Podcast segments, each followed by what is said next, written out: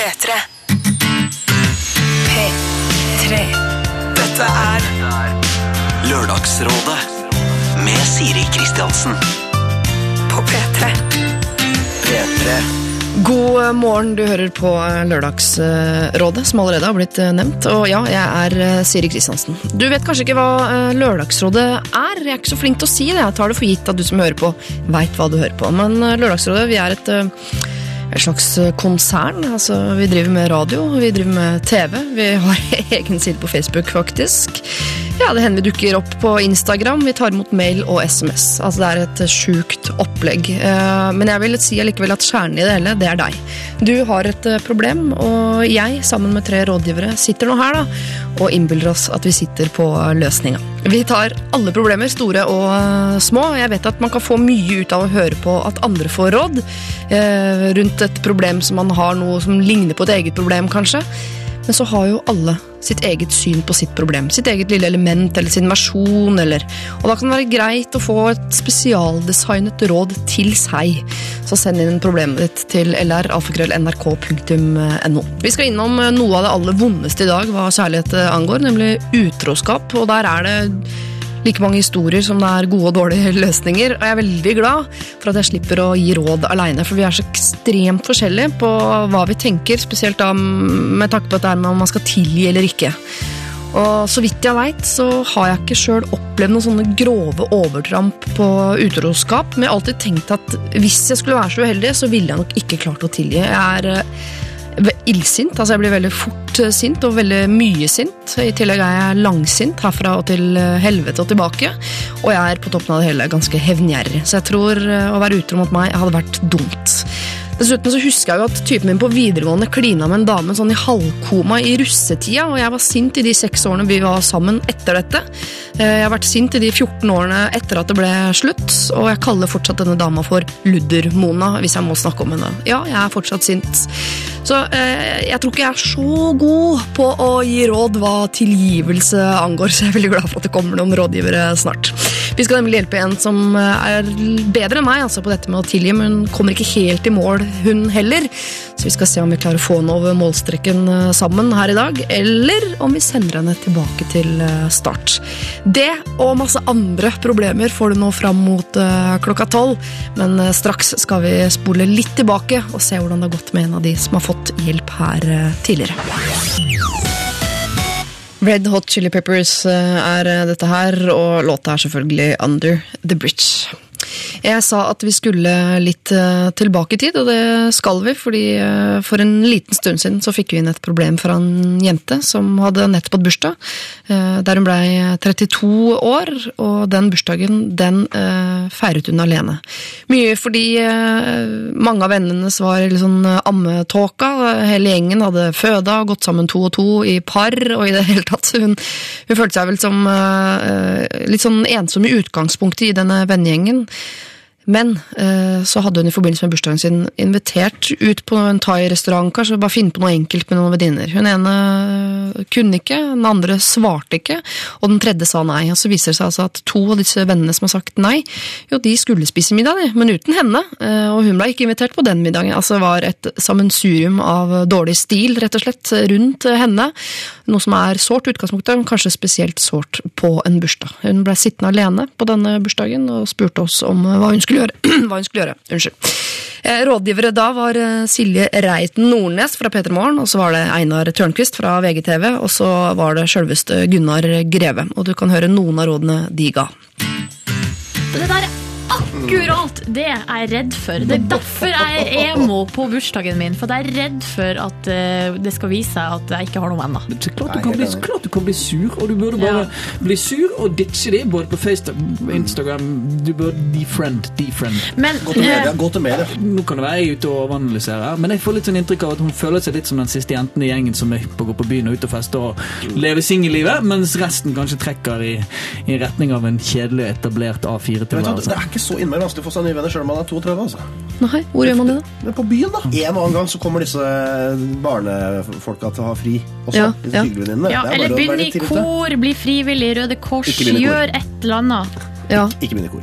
Bli frivillig i Røde Kors, da. Eh, Det der ensomhetsgreiene, det går over. Det er bare akkurat meg nå, og det har ingenting eh, å si for hvem du er. Det er bare litt dårlig eh, timing på at alle venninnene samtidig begynte å amme. Dette er Lørdagsrådet På P3. P3 Vi har eh, fått mail fra denne kvinnen som satt alene på sin 32-årsdag, hvor hun skriver Hei, tusen takk for hjelpen etter at jeg ble sittende alene på bursdagen min. Det hjalp veldig å høre at noen andre også tenker at jeg har noen skikkelig drittvenninner. Sinnet og skuffelsen har nå eh, på et vis gått over, og jeg har funnet ut av hva jeg skal gjøre med disse møkkafolka. Siden de antageligvis prøver å kjøre en klassisk fade out på vennskapet vårt, så skal jeg gjøre det så vanskelig som overhodet mulig for dem å bli kvitt meg. Hvis de ikke har nok til å si hvorfor de ikke vil være sammen med meg lenger, eh, kan jo ikke jeg lukte meg fram til hva jeg eventuelt har gjort for å fortjene å sitte alene på bursdagen min. Jepp, i dette problemet tar jeg den barnslige løsningen. Heldigvis har hun venninnen min som holdt på å få seg type, dumpet han fordi han hadde potensproblemer. Så jeg føler meg ikke helt alene lenger. Hilsen meg. Altså, hun velger å ta den litt eh, barnslige løsningen, og det jeg kjenner meg veldig igjen i det. Det er utrolig deilig å la terrassen vinne av og til, selv om man er eh, over 14.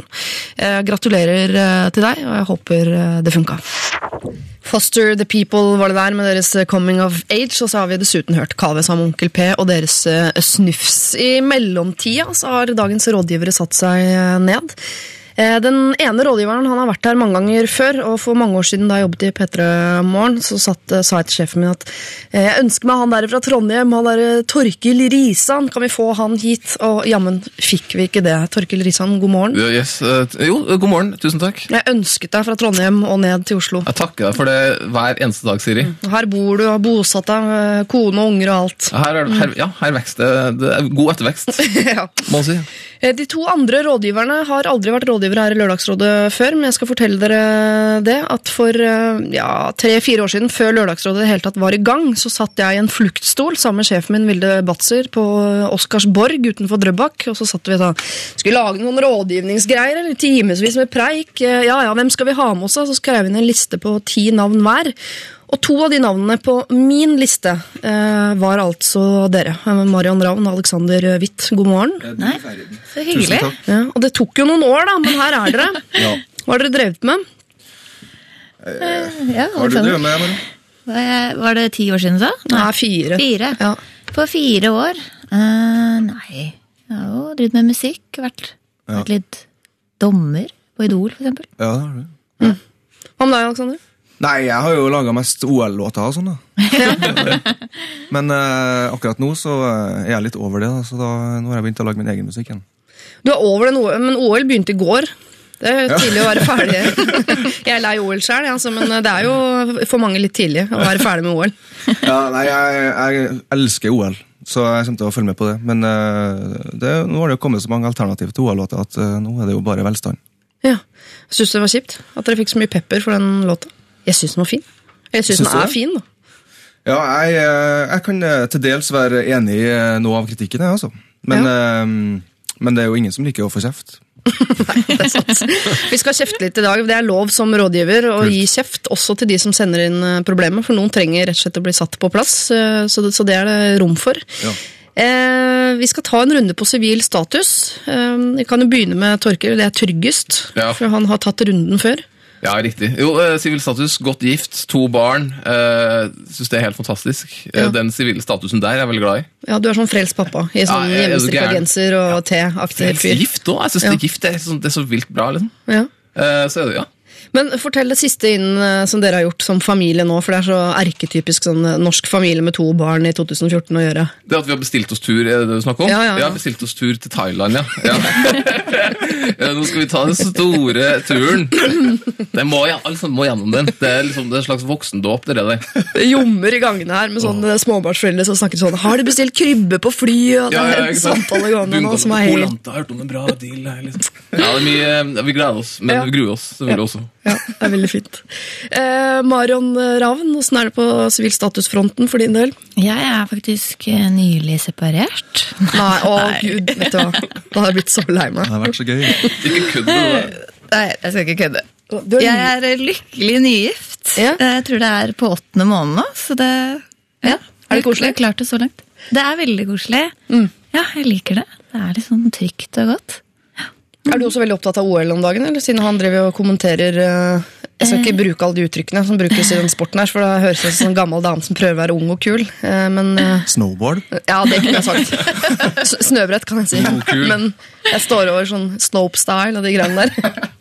Ja, det, var jo, det er jo faktisk eh, slopestyle-finale nå hvert, Jeg tror den begynner nå snart. Ja. Så jeg er veldig veldig spent altså, hvordan det går. Er det, med noen, er det med to nordmenn der, men to er ute, eller et eller Nå annet? har ikke jeg sett den siste den semifinalen som var i dag tidlig, så jeg vet ikke hvem som gikk videre der. Nei. Men jeg vet i hvert fall at Ståle Sandbekk er, eh, er med. Så eh, ja, jeg tror han kan vinne hele greia. Dette, altså, dette skal jo ikke handle om mannen din, Marion. Hvorfor er ikke han med? Ja? Sjøl, liksom? Eh, nei, han har slutta å stå konkurranser. Ja. Så driver bare og filmer. Ja. Ja, sånn han er der nede som ekspertkommentator eh, for å hjelpe Stian Blipp, for han kan ikke noe om snowboard. Hva skjer? Stian Blipp og Dorte er det TV2 driver med? De er jo helt ute. Det der, det der visste vi på forhånd, Siri. Ja, søren, det kan jeg si som fast ansatt i NRK. Ja, de er jo helt absolutt. ute der borte. Hva de driver med. Satt i taxi i går, og han var også veldig opptatt av at hva skjedde med OL NRK. Det var et kvarter i, hvor jeg bare satt i skinnseter og hørte på sånn raljering fra, eh, fra forsetet. Og det er deilig når taxisjåfører starter, altså. Eh, nå har du sittet på pinebenken lenge nok. Åssen er det, Alexander Witt, med sivil status? Vi visste jo alt om den for noen år siden i Idol, nå vet vi ingenting. Ja, eh, da, ja. Ja, ja. Nei, eh, jeg har, eh, jeg har kommet meg videre fra den tida, altså. ja det har vi fått med oss. Ja. Men har du, har du Det er lov å hoppe over liksom den vanskeligste delen av det spørsmålet. Så, har du en leilighet eller et hus eller en hund, eller åssen er det? Studielån? Har du har Jeg har ingen hund, men Nei. jeg har funnet meg en psykolog, og så har jeg blitt sammen med henne. Altså. Har du blitt sammen med en psykolog? Ja. Er det lov? Eh, hvis man gjør det i riktig rekkefølge, på en måte. Bli Ja. sammen først, da, kanskje, og så finne seg at hun er psykolog. Ja. Så du ligger mye på sofaen hjemme mens hun sitter på en pinnestol ved siden av? Ja. Ja. Har du blitt et bedre menneske av det? Nei. Nei. Bra. Men jeg tror kanskje hun har blitt eh, et bedre menneske av det. Ja, eller en bedre psykolog? Ja, jeg tror det er et uh, umulig tilfelle. Men uh, ja, så hun fått bryna seg litt, altså. Alder er lov å spørre om det. Her er jeg litt usikker. Alder på hun? Er på deg. På meg? Ja. Eh, ja, det er jo, Da svarer jeg for oss begge og sier 6 og 20. 26. Åssen er det med deg, Marion? Er ikke du rundt Jeg blir der? 30 år, jeg. Oi, det blir gøy. Ja. 30, 26 og Torkil 33. 33. Ja. Mm. Jeg vant, jeg er alltid 35. yngst, uansett hvor jeg går. Ja. Er det ikke litt deilig? ja? Jo. Ja. Vi skal gi råd til folk som er enda yngre enn oss, og noen som er eldre, og noen som er cirka på det jevne. Så her er det bare å hente fram alle alderne man har eh, i seg. Eh, Men før vi starter med rådgivning, så skal vi innom dette. Dette er Michael Jackson og Beat It. Michael Jackson er dette her. Det burde være unødvendig å opplyse om, men låta heter altså Beat It. Det er veldig gøy hvis en der ute sier sånn Å, det var fet låt! Den skal jeg prøve å finne. Jeg har aldri hørt for. Ligger det var Spotify. altså Michael Jackson, som jeg prøver å fortelle min sønn på fire år at er død. Men han nekter å, å innse det, for han hører han jo på radio hele tiden, så han sier at jeg ljuger. Men det er eh, sant, altså. Til dere som er litt grann eldre enn fire. Han er faktisk død. Eh, Marion Ravn, Alexander Eh, Sorry, jeg har lyst til å si Denstad, jeg har sagt det så mye. Og Torkel Dritsan, dere er eh, rådgivere, og vi skal ta et problem som handler om utroskap. Hei, jeg er en jente på 18 år. Jeg har en kjæreste som tidligere har vært utro med ekskjæresten sin, og når jeg fant det ut, så slo jeg opp. Men så kom han tilbake til meg, og jeg klarte ikke å gå fra han fordi jeg fortsatt elsker han. Vi har det veldig fint nå. Han snakker ikke lenger med eksen sin, og i en periode klarte han å følge opp mine krav. Men nå i det siste har han snakket med mange andre jenter på Snapchat, og jeg kjenner dem ikke. Når jeg spør om å få se mobilen hans, noe jeg vet er et tillitsbrudd, så blir han sur og sier at det er en prinsippsak. Jeg blir bare enda mer sur og irritert, og han sier selv at han ikke snakker mye med dem, men eh, de har eh, overgått alle de andre som er på Snapchaten hans, inkludert meg. Dermed klarer jeg ikke la være å spørre om å få se på mobilen, slik at jeg kan se om han lyver eller ikke. Jeg pleier ikke å være langsur, men når han ikke vil ta opp problemet, klarer jeg ikke la være å pirke i det og være sur og irritert hele tiden. Jeg vil ikke være den kjæresten som ikke vil at han skal kunne snakke med jenter, men etter at han var utro, så har jeg blitt paranoid, og jeg takler det ikke om han eh, holder hemmeligheter eller ikke sier fra til meg om ting han burde si fra om. Noen ganger blir jeg så sint at jeg tar hevn og begynner å snakke med andre guttevenner, for jeg vet at han blir sjalu, og det vet jeg er feil. Han sier selv at han ikke vil slå opp når jeg sier at jeg snart ikke orker mer av tullet hans, og han sier at jeg er the one, og jeg elsker jo han også. Jeg klarer ikke la være å tenke på at han kanskje er utro gjennom Snap, Skal jeg bare la det være å være sur på innsiden? Er jeg for paranoid? Burde jeg slå opp? Hjelp meg, jeg vet ikke hva jeg skal gjøre. Hilsen irritert og engstelig jente. Altså dette, er- Hun har opplevd utroskap med denne gutten tidligere, og da er hun paranoid. Det må være lov. Og nå er hun mistenkelig. Altså, Han oppfører seg mistenksomt. Hva gjør hun da? Kan jeg bare spørre om et, sånn, en faktaopplysning først? Uh, Ja, Hvis ikke jeg har sagt det, så Nei. finnes det ikke. nei, nei, nei, men uh, om Snapchat. Oh, ja. ja. Kan vi ta det med? Ja. Jeg kan ta det med en gang, fordi sånn, jeg, er ikke, jeg er ikke helt sikker på alt man kan gjøre på Snapchat. Nei. Altså, er det, er det, er det er det sånn bilder Ja, som varer i sju sekunder, og så er det bort for alltid? Eller? Ja. Det er kun det. Ja, så er det mye sånn, Der går man ofte litt lenger i hva man viser, for man vet at det forsvinner med en gang. Så Der Ja, man tidligere viste bilde av seg selv med genseren på, så er det opp på Snapchat genseren av. Ja, så, så liksom utro på Snapchat, som hun skriver her, det Ja. vil si liksom å vise fram Ja, ting som bare er ment for mødre og kjærester.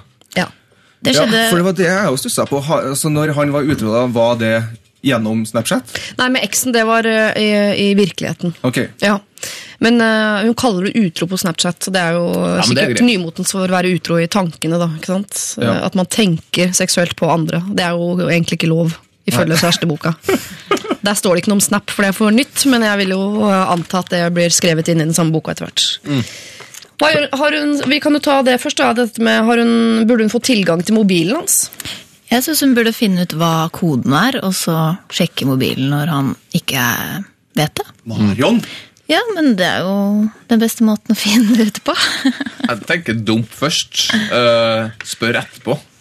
På en måte, altså Dumpen nå Sånn som blir sist? Jeg, ja, altså, jeg blir ferdig med en fyr. Altså, jeg får inntrykk av at det er en dårlig fyr. Ja. Det, det, det gjør jeg virkelig. Eh, jeg tror han er utro på Snapchat. Ja. Ja. Eh, det tror jeg, jeg tror han er det daglig, eh, kjenner han rett. Eh, så, så jeg tror han har ting å skjule på den mobiltelefonen som, hvis hun fikk se det, eh, ville ha ført til et brudd uansett. Ja. Men så er det kanskje en sånn slags Kanskje det er en tvingarm, da, hvis, at hun, hvis at hun slår opp med den nå. Mm. Eh, fordi jeg er helt sikker på at du er utro. Så kanskje han da liksom, Nei, men bare se på telefonen min, du. At da bruker han det som bevismateriale, for da er prinsippet borte. Kanskje. Nei, men det er, det er mitt første ting òg, vet du. Ja, På Snapchat forsvinner jo alt, så han får jo ikke Det er sant. Men hun, hva er det hun da vil se på mobiltelefonen? Det er jo På kanskje face, SMS. Facebook. Ja. Melding på Facebook. Det er der gutter er, har mest hemmeligheter. Ja. Men jeg mener at Hvis man kommer til et punkt i et forhold der man har nødt til å sjekke mobilen til hverandre, da, Ja. så er man jo fucked oh, ja. med en gang. Da mener du at man skal gå fra hverandre? Ja. Oh, ja. Men han har jo vært utro før òg, da. Men ja, er påstår hun har tilgitt det, da. Men er det ikke sånn, jeg mener at eh, jeg ville antageligvis ikke ha tilgitt utroskap, da, for jeg, det klikker i huet mitt eh, av sånne ting. Men eh, hvis man bestemmer seg for å gå videre etter utroskap, har man ikke da den som ikke har vært utro, rett til å på en måte eh, sette noen krav etter vanligvis Hvis jeg hører om krav og sånn i forhold til sånn, nå må vi roe ned, folkens, dette er et samarbeidsprosjekt. Men her hadde jeg liksom tilgitt mannen min for utroskap, så hadde jeg bestemt i en viss periode etterpå for sånn Nei, du får ikke lov å snakke med andre jenter, og du må ta ut oppvaskmaskinen hver dag. altså, Jeg mener at man må, Der får man lov til å legge litt føringer. Som et slags plaster på et evig blødende sår. Det høres jo veldig Ja, eh, ja fordi det er evig blødende. Jeg tror ikke Ja. det, altså, Kom med noen sånne regler, da er det dødt, da, tenker jeg. Da er hele bryt. Og så hvis, hvis virkelig eh, Amors piler eh, er så skarpinnstilt at de skal, skal bli dem, så tror jeg møtes igjen seinere. Nei, er du der fortsatt? Nei, nei, nei, nei. Twilight-mentalitet. Nei, men, altså, jeg mener jo at det, at de her er, at det er bort. Bryt av. Og hvis de skulle møtes igjen om et par år, og det fortsatt er liksom god stemning, så kanskje prøv igjen da, men nå ferdig, liksom. Jeg syns du kan si eh, hvis du elsker meg, så sletter du Snapchatten din. Ja, fjerner hele Du appen, og bare fjerne hele appen, rett og slett. Meg eller Snapchat. At vi skulle komme dit. Er det ingen av dere som har troa på at dette er et forhold som kan reddes? Nei, jeg har ikke troa på det. Jeg tror det her kommer til å gå rett vest hvis de, eh, hvis de ikke avslutter det med, på vennlig vis eh, nå. Fordi med en gang en person har vært utro, så er det helt umulig uh, å bygge opp uh, den der tilliten igjen. I hvert fall i disse sosiale tider. Ja. Uh, og med en gang man begynner å sette sånne krav om at du får ikke lov til det, og jeg må sjekke den før du legger deg, og sånt, så er man, da er man helt ute å kjøre. Det høres ikke ut som kjærligheten. Nei. Jeg innrømmer det. altså. Og er... Jeg er, er litt uenig, altså. Ja. Jeg syns at eh, hun kan eh, si hva hun føler, og gi han litt regler og si at, hun, at han ikke kan snakke med andre enn på Snapchat. Og hvis han da fortsetter med det, så må det bli slutt. Men hvis han hører på henne og skjerper seg, så tror jeg de har en sjanse. Men det var jo en prinsippsak for han, at han måtte få lov til det. Men det er jo Ja. Ja, det er lett å si hvis man har noe å skjule, da. Ja, Ja. ikke sant? Men hvis det faktisk er en prinsippsak, han har ikke noe å skjule, så kan det jo være at de her to faktisk kan finne veien tilbake til kjærligheten, og tilliten eh, kommer på plass igjen. Og da kan han jo få lov til å, være på Snapchat og sånn. Det det er bare karantene på noen år. Det er jo ingenting eh, ved fyren som, som eh, høres bra ut fra det hun skriver. Altså, hun beskriver den jo ikke i veldig positive ordelag heller. Nei. Og det, altså, jeg, jeg ser liksom ikke Selv om han sier at han elsker The eh, og one, sier han. Ja, ja, men hun, også hun sier at jeg elsker han også. Jeg vet ikke, ass. Jeg, Det er sagt om mange. Ja, det har vært sagt før, tror jeg. Eh, men også er de, så de var 18 år. De skal gjennom veldig mye sånn turbulens før liksom, sånn, de er i en eh, Hun skal på etableringsfase. i USA, og han skal reise til Han skal ut og så sine ville frø, han skal ikke noe. Ja, ja. Jo, jeg, vet du hva, jeg må være litt sånn Jeg har ikke troa helt jeg. altså. Du har ikke troa, nei. Dessverre. Men bare hun stiller et spørsmål vi ikke har svart på her. Eh, Kan hun bare fortsette å være sur på innsiden? Er det, er det en god løsning? Nei. Retorisk. Ja, det er en god løsning. Ja, bare går den ikke å går vi være for. sur. Nei, jeg tror, Nei, vet du, det. Hva hilsen eh, irritert og engstelig jente 18 år? Ikke vær sur på innsiden. Du er ikke paranoid. Når folk ikke vil vise mobilen, så er det sjelden en prinsippsak. Altså, da er det ofte fordi de har noe å skjule. Eh, så vi, vi sier ikke at du skal slå opp. Eller gjør vi det? Jeg, jeg, det. jeg sier det. Jeg ja, ja, okay. Det er to her som mener at du skal slå på. jeg tenker det litt. Marion er litt mer romantisk enn oss andre, så hun har trua på kjærligheten her. Men da må du holde han ordentlig tøylende i en periode. Sette enda tydeligere krav. Hvis han ikke innfrir de, hvis han gjør som han vil allikevel, vet du hva, da er faktisk også Marion på lag med resten og sier dump han.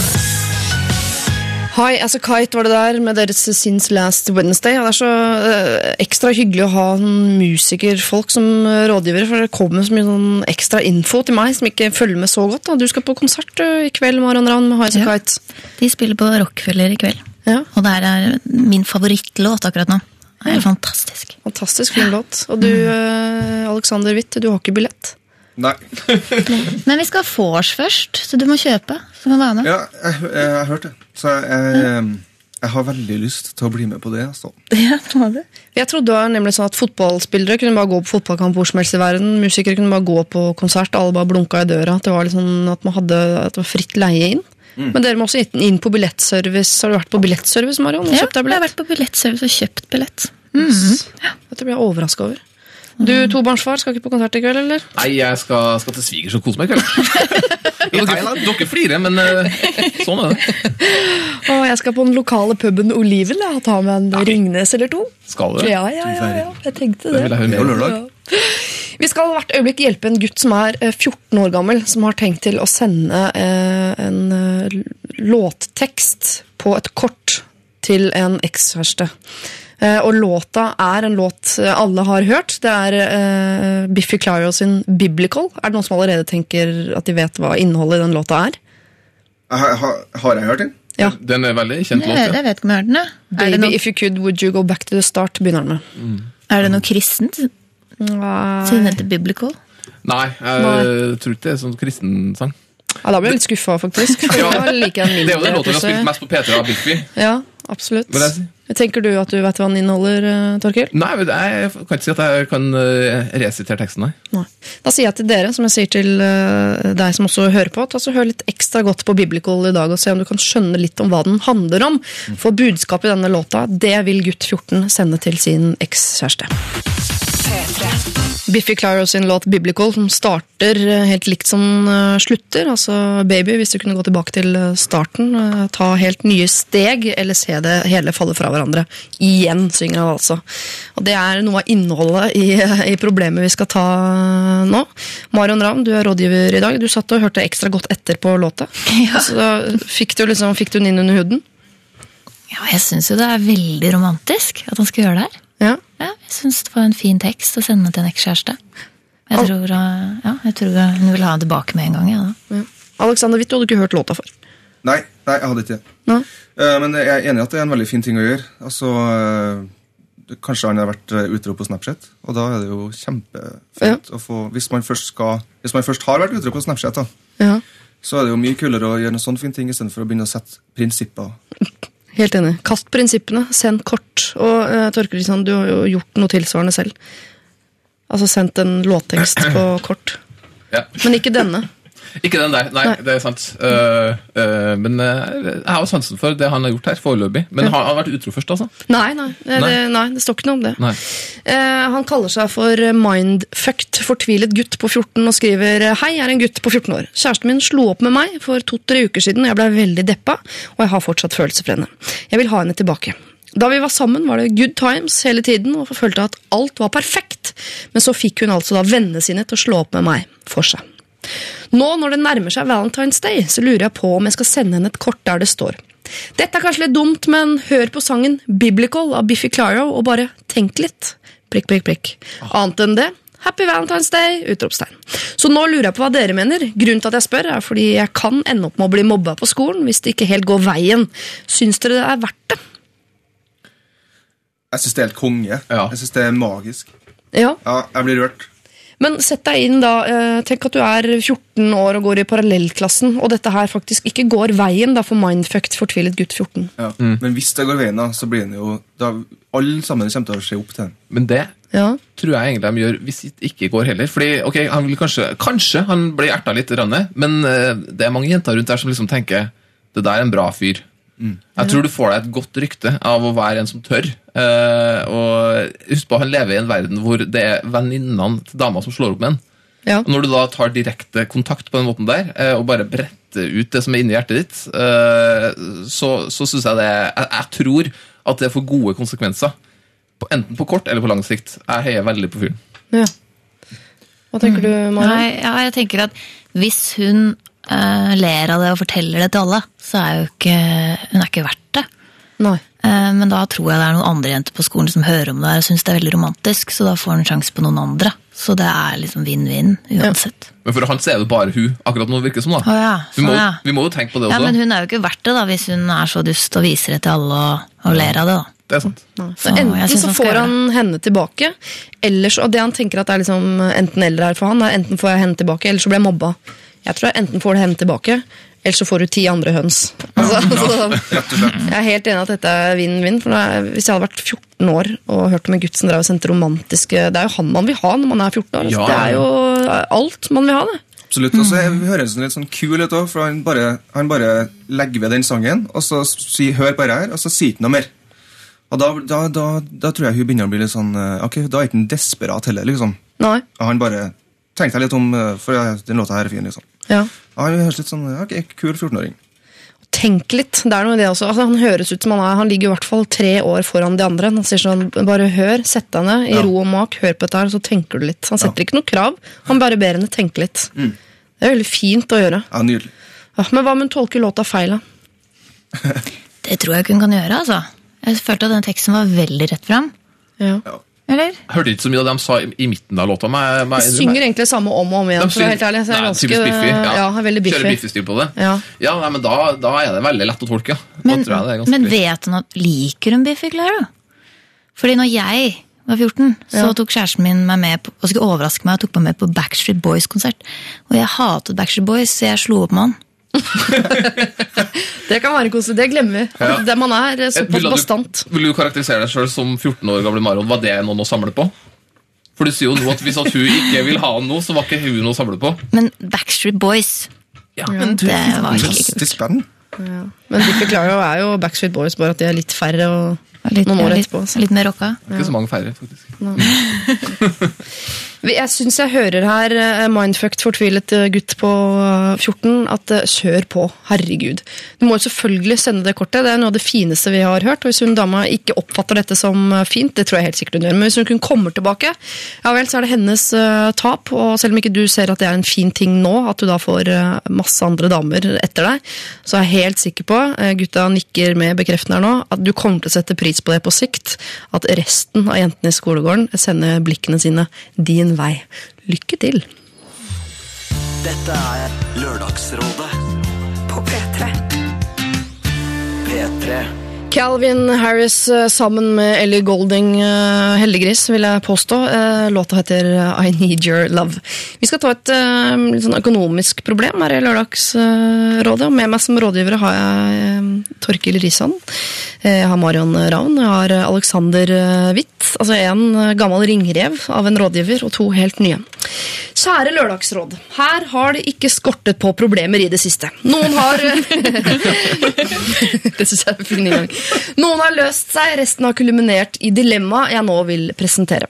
Etter et slitsomt halvår med uoptimale boforhold, vennskapsdrama og usikkerhet på jobbfronten, toppet det seg rundt nyttår da det ble slutt med kjæresten. Nå kjenner jeg at jeg trenger å få ting på avstand, komme meg bort, nærmere bestemt Thailand. Bare stikke av fra alt, leve livet varmen der nede noen uker, dykke, backpacke, yoga. Jeg har vært der før. Og jeg har flere å besøke der nede, da spesielt kusinen min, som jeg mest sannsynligvis kan bo gratis hos deler av oppholdet. Jeg har lenge lovt å besøke henne og savner henne veldig, noe som jo i seg selv er grunn nok til å dra. Jeg har regnet meg fram til at jeg har i overkant av 12 000 kroner å bruke på reisen, noe jeg tror holder akkurat. Problemet er bare at jeg er uten fast jobb. Og jeg har heller da ingen stabil inntekt. Fornuften sier at jeg burde bli her i Norge, fortsette å søke jobb, og ikke minst ta lappen. Jeg har et yrke, altså det har hun nok da, men hun har altså da et yrke i tanken antagelig, der det er viktig med førerkort, og det er det jo i de fleste jobber. Karrieremessig sett er det derfor lurt av meg å bruke sparepengene mine på å begynne på denne prosessen. Jeg er ferdigutdannet, men mangler altså både førerkort og erfaring, og hvis jeg nå eh, hadde dratt, ville det bety å sette hele jobbsøkerprosessen på vent. Samtidig som jeg alltid har hatt et fornuftig forhold til penger, altså jeg har ikke brukt mer enn jeg har, så har jeg også en holdning om at penger kommer og går. Jeg har fått et par nye vikarjobber i det siste, så jeg tror derfor ikke det blir noe problem å tjene inn pengene når jeg kommer hjem. Og jeg ville eh, vært eh, mer enn klar for å jobbe masse etterpå eh, at jeg har fått påfyll i Thailand.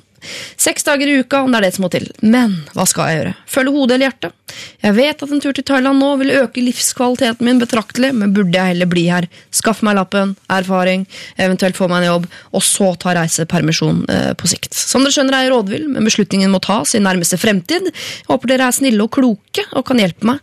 Hilsen reiselysten, men lappløs. Jente 24.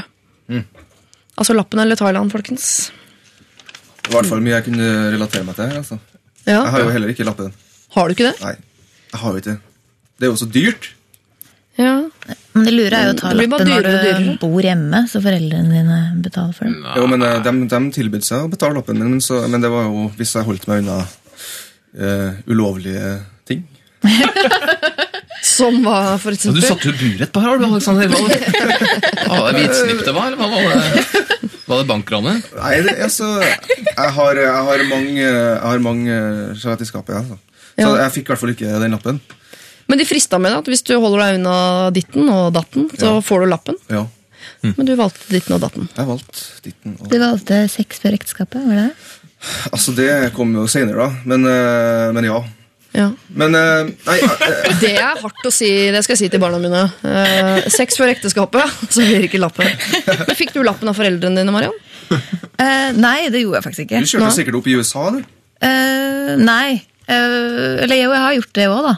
Det er dødslett. Det koster 20 dollar, Ja. og så kjører du bare rundt et nabolag, og så får du lappen. Så er det automatgir. Det er bare å sette bilen på play og så tenke seg dit man skal.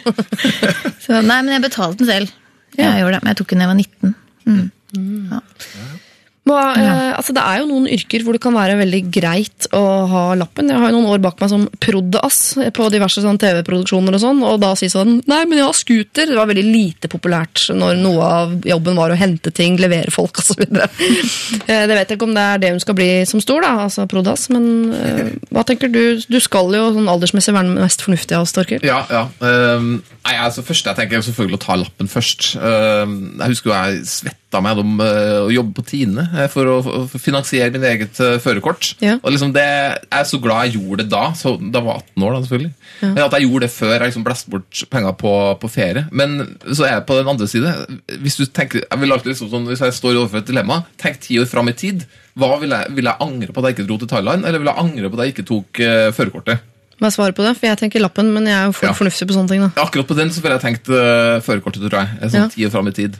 Så, så, så magefølelsen sier jo at du bør ta lappen. Selv om det er alltid kjedelig å, vel, å, å velge det trygge. Det er jo litt kult å leve litt også. Hva Ja. med alderen? 24. 24, ja.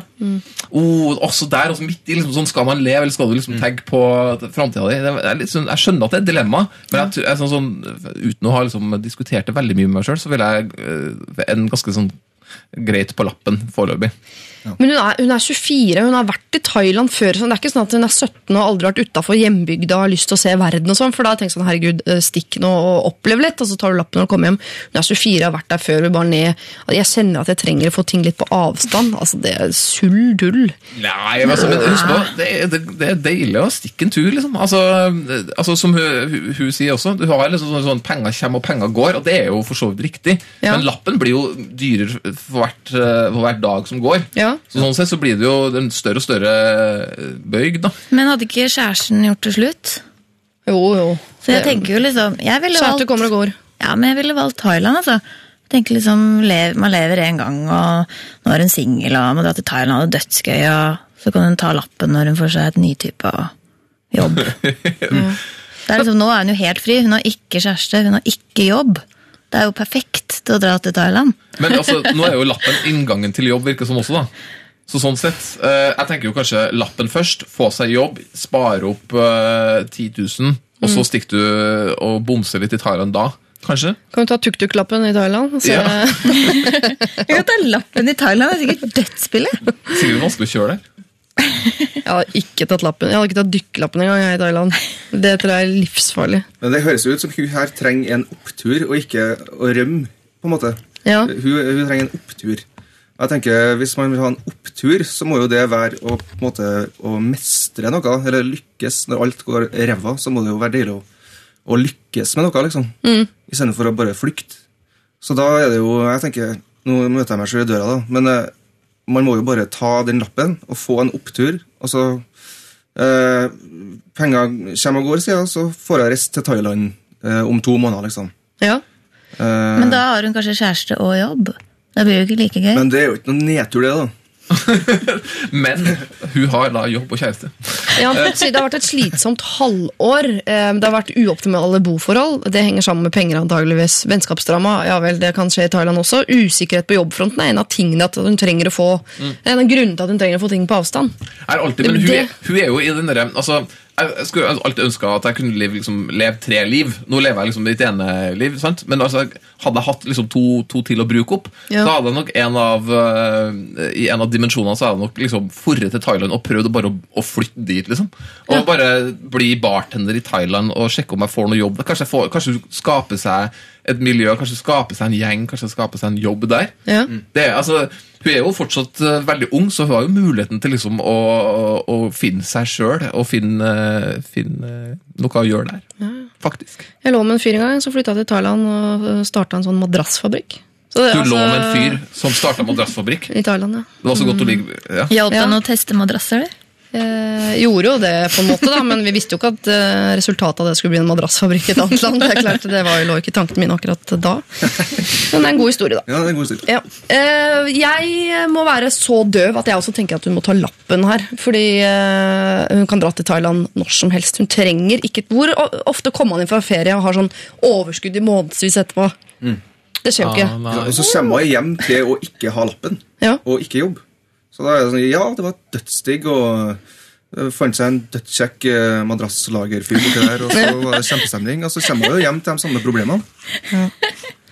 Enig. Men du eh, står på Det virker som du mener, Jeg Mara, føler veldig tre mot én her. eh, På forrige dilemma og nå. Ja. Det, ja. Det er fint, det. Jeg liker det.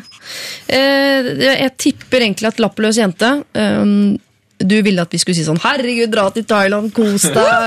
Ja, og jeg trodde Thailand. faktisk også at dere mente det. eh, I hvert fall Alexandra, at du skulle si det. Ja, jeg, jeg tror Og jeg skulle Mario. mene det sjøl òg. Men Alexander er så ordentlig, merker dere ikke det? Det er jo ikke sant. Det er litt uh, todelt, det, akkurat det der. Du kan jo ta lappen. Kjør, uh, kjør, Kjør til på ferie. Ja. Ja. For bil det Uh? Eh, eh, ja, ja. det har jeg. Du har et glis, du bare har ikke noe lapp å kjøre med. Og de 12 000 du har, er jo uansett ikke nok til eh, lappen. Jeg tok lappen for fire år siden, og det kostet meg 30 000. Da måtte jeg riktignok ta oppkjøringa to ganger, men eh, runde nummer to fikk jeg i bursdagsgave av venninnene mine i 30-årsdagen.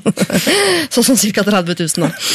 Eh, så du må i så fall spare litt til. Eh, det får du ikke til hvis du drar til Thailand. Så jeg faller ned på at du må bli hjemme. Så kjedelig er det å leve. Du må bli hjemme, spare litt mer penger, ta lappen, få deg jobb, ikke kjæreste, og så drar du eh, på ferie til Thailand, singel, og så vet du at jobben står hjemme og venter på deg, og er kanskje ikke bil i garasjen, men i hvert fall førerkort i lommeboka. Interessant spørsmål Kindred Fever stiller der, altså. Ready to die er det de eh, lurer på. Men det er ikke det jeg lurer på. Jeg er mer opptatt av nettdating jeg er akkurat eh, nå. Og til å eh, svare på problemet, så har jeg med meg da Torkel Risan, Alexander Witt og Marion Ravn. Problemet kommer her. Kjære Lørdagsrådet. Jeg håper dere kan hjelpe meg med mitt problem eller bekymring. Jeg er egentlig veldig fornøyd med livet mitt. Jeg har en bra jobb, masse interesser og fantastiske venner. Men jeg har vært singel i to år og har trivdes godt med det, spesielt siden mitt siste forhold bød på mange dårlige og tidvis vonde erfaringer. Det har vært fint å være singel, men nå har jeg passert 30 og har begynt å tenke mer og mer på at jeg ikke har noe lyst til å ende opp alene, og at det hadde vært hyggelig å møte noen. Jeg er dessuten litt redd for å bli ensom når de fleste av vennene mine etablerer seg med mann og barn. Nå er det også slik at det blir vanskeligere og vanskeligere å møte noen, for jeg vanker jo i de samme kretsene jeg har gjort siden studietida. Noen av venninnene mine argumenterer sterkt for at jeg skal nettdate. Men det har jeg forsøkt, jeg likte det ikke i det hele tatt. Jeg klarer liksom ikke å fatte interesse for disse pappfigurene som prøver å selge seg selv best mulig med velformulerte tekster og fine bilder. Romantikeren i meg gjør rett og slett litt opprør ved tanken på å bla seg gjennom en katalog av attraktive og mindre attraktive ungkarer. Venninnene mine mener det er dumt av meg å utelukke nettdating, og at jeg ikke har lov til å være lei meg for at jeg aldri møter noen når jeg ikke vil prøve nettdating. Men jeg har prøvd, og det er ikke noe alternativ for meg. Spørsmålet mitt er har det virkelig blitt slik at nettdating plutselig er den eneste måten å finne kjærligheten på? Og hvordan skal jeg møte noen på gamlemåten, når det føles som om hele verden har giftering på fingeren? Hilsen jente 30. Todelt spørsmål. Hva tenker vi? Ja, altså, det, er jo, det er jo bare å kjøpe seg et lodd, tenker jo jeg, da. Første som slår meg her. Hvis, Kjøpe et lodd? Ja, altså, det vil si å få deg en profil på nettdatings Jeg mente ikke kjøpe et flakslodd. Nei, jeg var ikke med på sammenligninga. Nei, nei, men hun, hun, det, altså, hun vil jo ha førstepremien. da, Hun vil, hun vil vinne en premie, hun vil ha en fyr, hun vil ha noe å dele livet med. Det er jo, det er jo selvfølgelig vil ha det. Eh, og for å få det, så må du jo altså, Du vinner ikke lotteriet uten å, uten å, delta i trekninga. Med. Eh, så, så jeg mener at hun må selvfølgelig prøve det. Eh, Hun har prøvd! Liker det ikke. ja, men hun må gjøre det mer. Å ja. ja. Det er mye man ikke liker i begynnelsen, Ja, brura. Hun må gjøre det mer, ja. Eh, men, men det finnes jo eh, selvfølgelig andre vi, vi kan også selvfølgelig komme med andre tips til andre plattformer vi kan finne folk. Men eh, hvis, hvis, hvis hun lurer på om hun skal fortsette med netteting, så er i hvert fall mitt eh, råd ja. Ja. Ja, for Hun sier at uh, romantikeren i henne gjør opprør, men jeg tenker er det noe vits å sitte og være singel og romantisk aleine hjemme? Det er jo helt uh, bortkasta. Er romantisk på nett, da? Det funker vel, det? Du kan jo gå ut òg, da. Altså, det er jo masse å finne på. Ja. Hun har, jo- har, Du høres så folkelig ut når du sier det med den dialekta. hun har jo mye å finne på. Og det er jo, eh, det er, hun har jo masse interesser, sier jeg. Eller Ja. Eh, og der, det er jo der det, skjer. Altså Hvis man har masse interesser, eh, så er det jo ofte der ting skjer. Og hvis hun har en dårlig følelse på nettdating, så er det jo Da er det jo en bad vib i utgangspunktet, og da kommer det aldri til å føre til noe positivt, tenker jeg. Jeg syns jo nettdating er kleint sjøl. Jeg har aldri turt å prøve det, da, så jeg kan ikke eh, rope for høyt. Men eh, Men syns du også at vanlig dating er kleint? ja. Ja, ikke sant? For da er det jo dating som er kleint. Det er jo ikke Ja. dette med internett. Nei, Og så er det litt det at uh, man skal prøve å tvinge frem noe, eh, noe digg. Ja. At, man, at man mister hele den der eh, greia med at eh, altså, Ganske gærent å tvinge fram noe digg, Alexander. Det har aldri Så lenge man tar det rolig. Men eh, eh, altså, eh, poenget mitt er at man mister den greia med at det, at det skjer litt sånn uventa. Ja. Og hun høres ut som en romantisk dame, så det, man må ikke gi slipp på Selv om hun har bikka 30. liksom. Det kan hende at det plutselig skjer noe. Men, men siden hun har bikka 30, har hun hørt om Tinder? Det er jo det store spørsmålet. For det er jo nemlig en ny eh, sånn datingapp. ja. Så det er jo ikke sånn eh, kleine profiler og sånn, det er liksom bare bilder. Så går du rundt i byen og ser hvem som er i nærheten. Jeg pleier å si at Tinder er på en måte sukker med GPS. Ja. Men jeg tenker at hvis man føler at romantikeren i seg eh, visner ved å gå inn på sukker, så dør den hvis du går inn på Tinder. For det er jo den, det mest uromantiske i hele verden. Det er jo virkelig som å dra på eh, Sognsvann og blinke med lysa og se hva som dukker opp. Det er det du lurer på, Sognsvann, ja. For jeg lurte på hvorfor, ja. hvordan man gikk fram når du først var der. Ja, nei, Når du bare blinker med lysene på bilen, så går du inn i skogen, og så kommer det en eller annen som ikke du vet hvem er, og så ligger man sammen. Ja. Så det er jo et alternativ, da, hvis det går for lang tid. Ja, Ja, Og Det er jo da. Tinder i real life, hvis det er det med internett og, og mobil og sånn som hun syns er det uromantiske ved det hele. da. Så er det et alternativ. Men hun sier jo at hun har mange fine venner. At Mm. hun kanskje hun må feste med rett og slett med vennene sine, så hun kan møte noen gjennom venner av venner. For det syns jeg ofte er den beste måten. Ja. Ja. Og du er jo, uh, du er jo giftekniv. Ja, jeg, ja, jeg føler at det er sykt bra sånn Kirsten Giftekniv. Er det det Ja. hun sier? Ja. Man, man må finne seg en eh, Hvis du har mange gode venner, så må man snakke med en av dem og så si hei, du må hjelpe meg å møte nye folk. Ja. Uh, og, så, eh, og så ta det derfra, tror jeg. altså. For jeg har liksom hooket mange venninner av meg opp med kompiser av Andreas, for eksempel. ja. ja. Og det er du god på. For det er mange som det er veldig typisk jenter å tro at man er god på det, og så bommer man sånn skikkelig. Ja. Jeg føler, eller Det er kanskje ikke noen som har endt opp å bli kjærester, men de har i hvert fall hatt det veldig gøy den, etter det nachspielet, for eksempel. Oi, ja. Og jeg er så flink til å hooke opp folk på one night stands. Det er ikke Kirsten Giftekniv, det er kusina. Ture Giftekniv kaller du Å, Turi. Kirsten Liggekniv. Ja, skjønner. Men eh, altså, ja, det er jo det er ikke noe dårlig, dårlig idé, syns jeg, som Alexander lanserer. At du liksom eh, Bruk venninna litt mer. Hvem er, kan du sette meg opp en, eh, på et stevnemøte med? Eh, hvis, jeg, hvis jeg er villig til å prøve litt, eh, litt blinde stevnemøter? Jo, men Hun sier jo også at hun har jo vanka inn samme kretsen lenge, så hun har sikkert møtt alle kameratene til venninnene. Dessuten så har de nå begynt å etablere seg, så de går ikke på byen lenger. sikkert da, Sitter bare hjemme og ser på Skavlan, spiser uh, Smash. ikke sant? Så kanskje ikke det, så hvis hun skal møte noen på byen, så må hun kanskje gå ut aleine. Kanskje hun kan melde seg på sånn surfekurs eller noe. Det er jo veldig mye digge sånne surfeinstruktører, for eksempel. Ja, det Tenk deg de er lei av sånne single folk som melder seg på Ja, surfekurs. ikke I håp om å hooke opp med læreren. Eller snowboardinstruktør, eksempel. Ja, for sier jo det som du sier, Alexander, også, at hun har masse interesser. Jeg vet ikke om det er snowboard og surfing, men hun burde jo bare oppsøke det. da. Det fins sånn uh, gå singel fra hytte til hytte i fjell, og det er jo mye sånn For meg er det enda kleinere enn internett, men jeg vet jo ikke Hvis det er det med internett som er liksom problemet, så Hun må få seg interesser hvor det er liksom, kjekke mannfolk. Hun kan ikke drive og ri på hest og brodere, liksom. Men jeg har jo inntrykk av at, at den skammen med å bruke eh, altså, eh, nettet til Ja. å sjekke altså Den skammen er litt sånn altså Det er veldig akseptert, ikke det? Det er jo, altså, det er jo en helt naturlig plass å møtes i 2014. Ja. Eh, Så, men det er jo bare hun sjøl som syns at, det at det er liksom sånn stigmatiserende, ikke det? Jo, men hun- ja, det, det, det hun sier er problemet, er at det er romantikerne igjen. At hun, er veldig lite romantisk å møtes på nett. Men, tenker, kan- men må det være romantisk fra første øyeblikk? Nei, Kan det er jo, det, men det er jo det som blir det uventa. Hvis hun har veldig lave forventninger til det, så, Ja. så setter hun seg opp et uh, stedmøte med en eller annen fyr. Da, fra da av så er det jo, kan det jo være romantikk. Ja, da, da må hun jo søke etter gutter på nett som påstår at de er romantiske, da, i tillegg til å ha dykkerlappen og kjøre MC som de fleste det, andre der ute. problemet er jo at alle påstår at de er romantiske på nett. Ja. Eh, og når man kan velge to setninger og si om seg sjøl og poste et bilde, så man fremstiller jo en helt annen person Ja. enn den man er. Så det er jo livsfarlig. Plutselig sitter du der med, på date med Hjørdis, som jeg, du trodde var liksom eh, Dritfin og romantisk, og så er hun ja. og Hun var 40 og ikke så romantisk som du trodde. Men det er det samme som når man møter folk på byen når man ligger med dem og tenker sånn Han var jo innmari morsom og hyggelig og spandabel og sånn. Så er det, det er jo også et glansbilde av dagen den kvelden, og dagen derpå så er det jo ikke like gøy.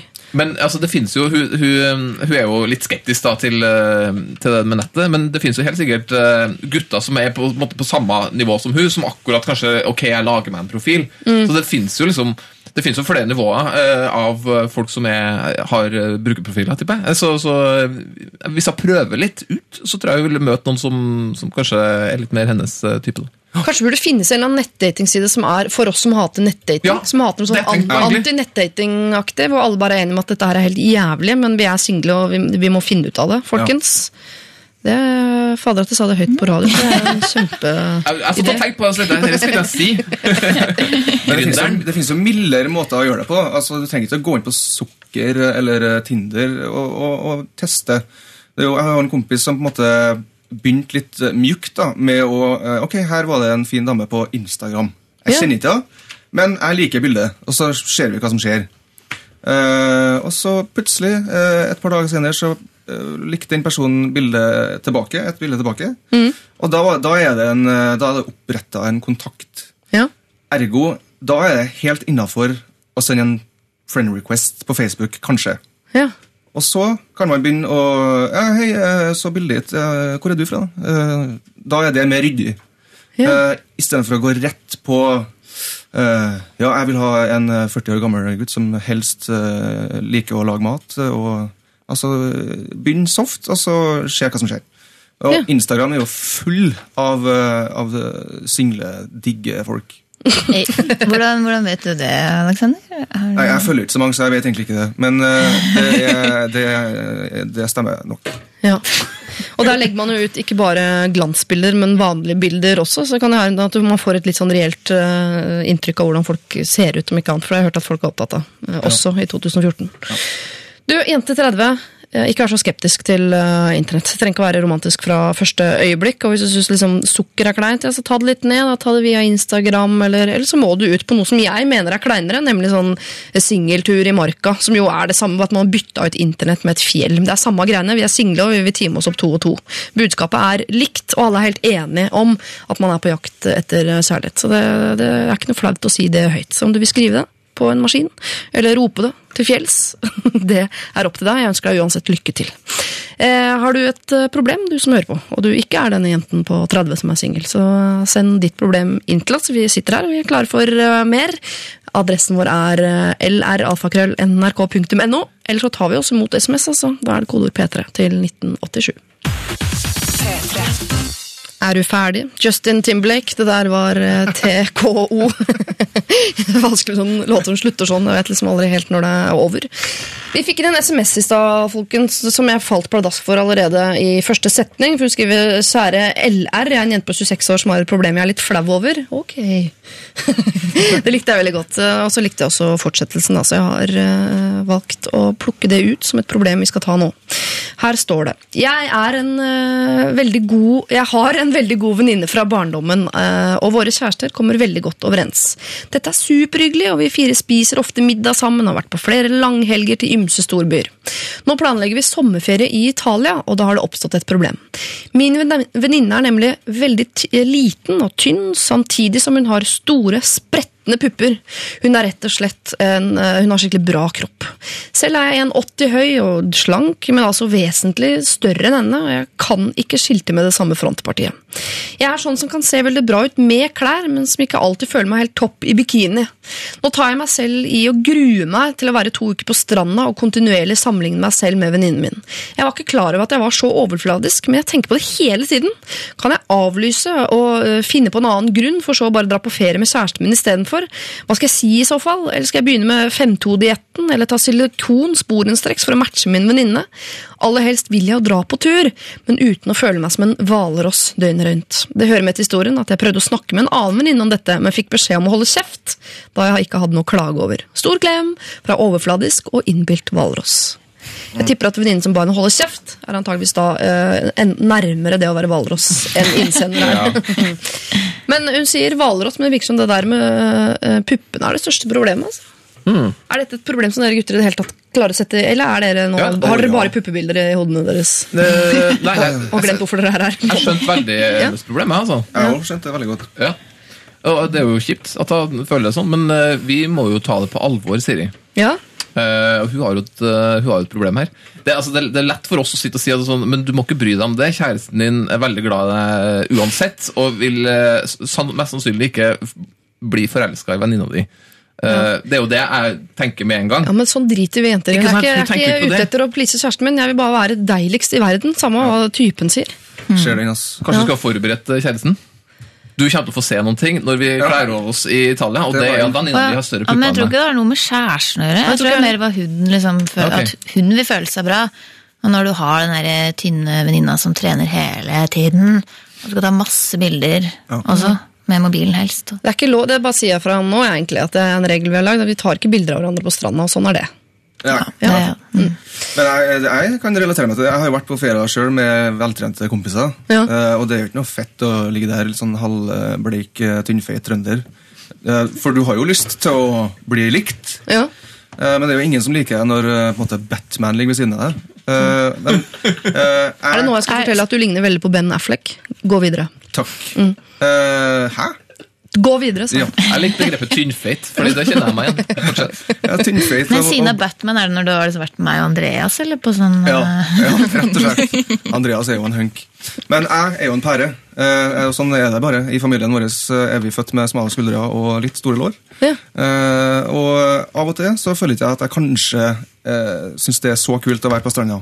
Nei, Men veldig fint for moren din som skulle føde deg, at du kom ut litt sånn smal i begynnelsen. Så, unnskyld. Ja. Ja. Eh, det er derfor jeg har litt sånn smalt hode. Pappa fortalte meg at eh, jeg, jeg strevde litt med å komme ut. Ja. Eh, Sånn at, og hodet er jo litt sånn elastisk tidlig der. Ja. Så, det er derfor jeg har smalt hode. For jeg satt, satt fast litt her. Ja. Mulig skuldrene satt fast også, og så var det bare Ja. Mhm. kjempefart på slutten. Så lårene Ja. Tar du imot spørsmål om fødselen? Jeg har mange ting jeg lurer på, men ok. Nei, men okay. eh, beklager, eh, Nei, det er, er jeg som skal si unnskyld. Tilbake til Hvalross. øh, Ja, hva var spørsmålet? jeg, jeg vet ikke hvor vi er. Vi er på en strand nå. Alexander er der. Men det er, helt, er det, der. er helt, eh, det er universelt det er vanlig å føle det. Ja. Og du trenger ikke å ha, eh, det trenger ikke å være en puppegreie heller. Det kan være gutter som føler det samme. Eh, og eh, jeg tror ikke det er så krise, for jeg tror alle er ganske selvbevisst med en gang de er på en strand. Jeg tror man tenker minimalt på eh, de andre. men Jeg tror man tenker veldig mye på seg sjøl. Samtlige, uansett hvor store bryst man har.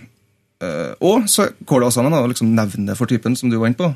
At jeg føler meg litt sånn Jeg føler meg litt ukomfortabel med å kle meg ved siden av hun. Kan du bare liksom forsikre meg om at du syns jeg er bra nok, liksom? Ja. Så stikker vi dit.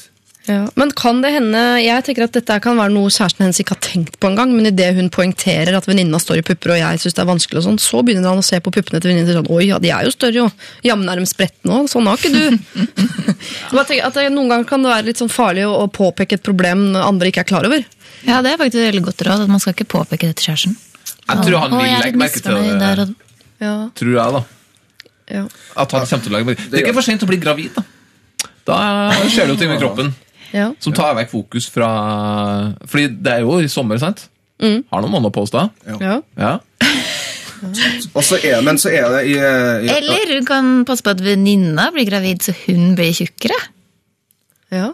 Absolutt. Eller bare ha masse sånne godtekvelder med venninna hver helg før den turen. turen. Ja, og så vet ikke venninna at hun her går på 5-2-dietten, så i to dager etterpå så spiser hun ikke i det hele tatt. Ja, det er jo ganske smart. Det blir for drastisk å avlyse turen, i hvert fall. Ja, det syns jeg ikke hun skal gjøre. Nei, det syns jeg aldeles ikke. Uh... Bare, må bare dra på vinterferie sammen resten av livet. ja. Nei, Vi er så opptatt av sommeren, vi kan bare være sammen om vinteren, for jeg er så fin i boblejakke. Men, men man kommer kjempelangt med uh, sjøltillit, sjøl om den er påklistra. Hvis man eh, klistrer på seg litt uh, sjøltillit, så det tror jeg gutta digger. Eh, uansett hvilke pupper du har, hvis du går eh, med dem på stranda som om du faktisk eier dem og er stolt av dem, så eh, er det Jeg tror gutta liker det veldig godt. Ja. Det kan godt hende at hun med store pupper er litt usikker på seg sjøl, hun òg. Så hvis du bare knuser henne på sjøltillit, så kan det være en greie. Ja. Kanskje hun er lav, innsender er 1,80 høy, kanskje venninna er 1,60. Det er- Har skikkelig komplekser for det. Og kanskje det er derfor puppene er store. Liksom, det, kan hun være, liten. det kan være stygg selv om de er store også. Altså, det er ikke, øh, kanskje hun har finere pupper, selv om de er mindre. Det, øh, det kan jo være. Hvis de har ligget og målt dem og bare fått et dommerpanel til å si at faktisk du har styggere pupper, og de er mindre. Jeg syns jo bitte små pupper er fine. eksempel. Kate Moss synes jeg har de fineste puppene. De Ja, er bitte, bitte små. Men altså, det er kan være hennes ja. toppløs på stranda, da. Så får hun jo fokuset, Ja, kanskje.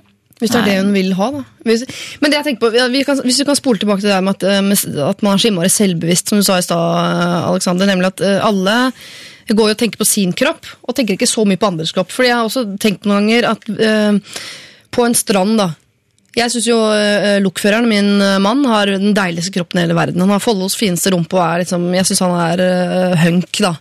Og så er vi på en strand, og hvis jeg da tar på meg de objektive brillene, skal jeg se her er det sikkert andre som har penere kropper, men det er ikke noe sånn eh, at det er, en, det er ikke én pen kropp og én stygg kropp. Det er 10 000 forskjellige kropper på den stranda, og det er ikke noe fasit på hva som er fint eller stygt. Så jeg tror, ikke, liksom, jeg tror hun må liksom bare være på den stranda, og så har hun en kropp, og så er det 300 000 andre kropper på den stranda.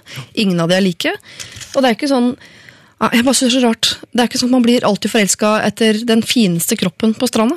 Absolutt ikke. Det er jo noe annet. Ja, ja, men altså, det, det er jo Problemet sitter jo bare inni hennes hode. Altså, eh, Du har jo helt rett, tror jeg, Siri. At, liksom sånn at Kjæresten vil jo fortsatt synes hun er like flott, men, Ja. men det er jo hennes eget følelse som eventuelt gjør det litt verre for hun da. Altså at hun, eh, Vi kan jo si, sitte og si til hun at du har kjempefin kropp og eh, spilt en rolle for kjæresten din, men det er jo til, slutt, til sjuende og sist hennes egen stemme inni hodet som, som kan ødelegge bitte litt for hun. Absolutt. Og den er litt vanskelig å gjøre noe med.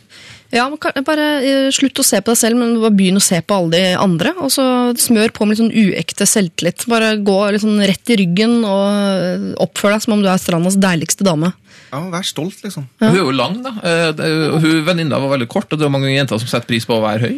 Og så er det jo mange kule sånne saronggreier er veldig inn nå på stranda. Hun Ja. har sånn på seg, så hvis hun er ute og går, så kan hun ha på det.